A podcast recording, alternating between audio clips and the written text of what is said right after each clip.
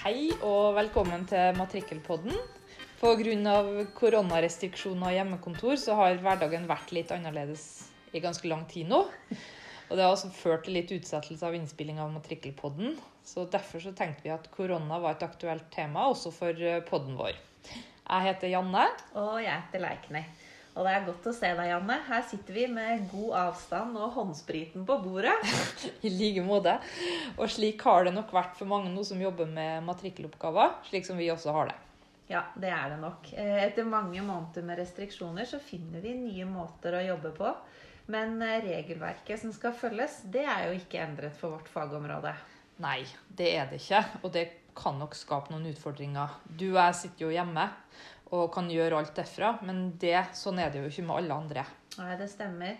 Da vi måtte stenge ned i mars i fjor, så fikk vi i Kartverket mange henvendelser fra kommuner som sto klare til å starte målesesongen, altså å begynne med oppmålingsforretninger. Og de gjennomføres som hovedregel ute i marka med landmåler. Og de som eier eiendommene eller har andre rettigheter i de, til stede eh, muligheter for at mange mennesker møtes på én gang, med andre ord. Ja.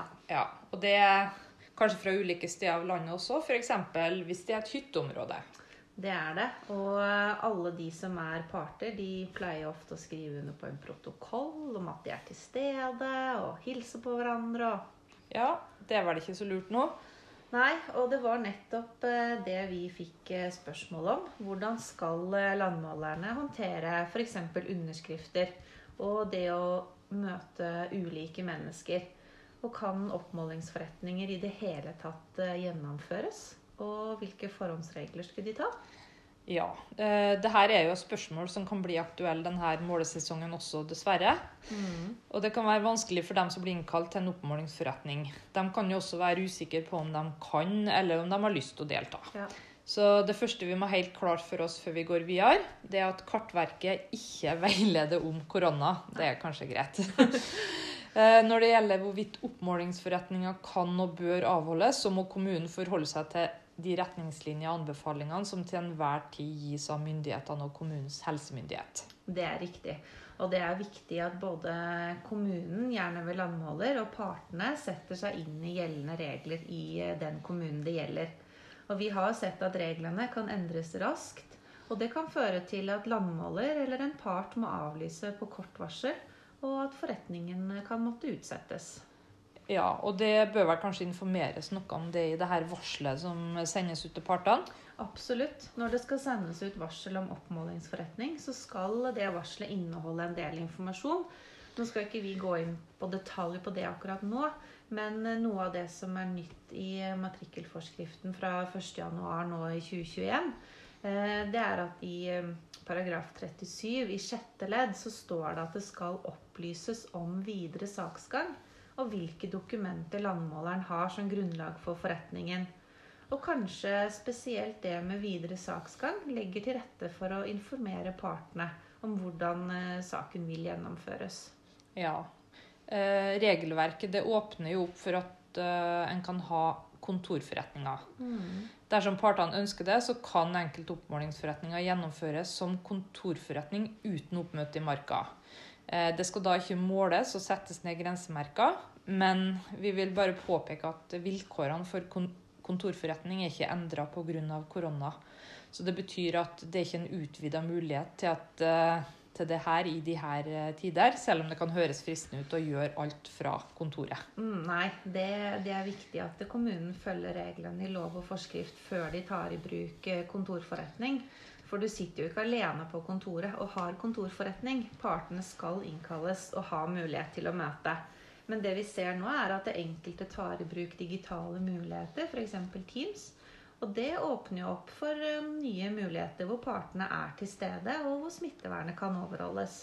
Ja, og da er det viktig at uh, den løsningen som velges, beskrives i protokollen. For, den, for protokoll skal skrives på vanlig måte. Så ved en slik gjennomføring så innkalles parten. Og det føres protokoll over forretninga, men det gjøres via Teams. Ja. Og hvis vilkårene for kontorforretning ikke er til stede, så kan man jo ikke bare ha en kontorforretning. Men landmåleren kan jo likevel vurdere å holde en sånn første del av oppmålingsforretningen digitalt eh, for å gjennomgå saken og dokumentene. Og det er jo kanskje mest hensiktsmessig hvis det er mange parter, det er kanskje uklare forhold, og av andre årsaker landmåleren ser at dette her kan føre til at det er behov for flere møter, så kan de ta ett av de digitalt. Eller flere, men også ute, da. Eh, og da er det bare viktig å huske at eh, i disse møtene så må det også skrives protokoll. Og det må fremgå at eh, alle de innkalte partene er enig i denne måten å gjøre det på. Ja, og et sånt møte kan heller ikke erstatte at man må ut for å måle opp grensene. Så det må jo gjøres uansett. Mm. Så da må man bare tilpasse seg med å holde avstand og kanskje be partene ta med egen penn for underskrift. Mm. Eller så kan du jo bare droppe å få underskrifter, men da selvsagt sende ut protokoll i ettertid. Ja.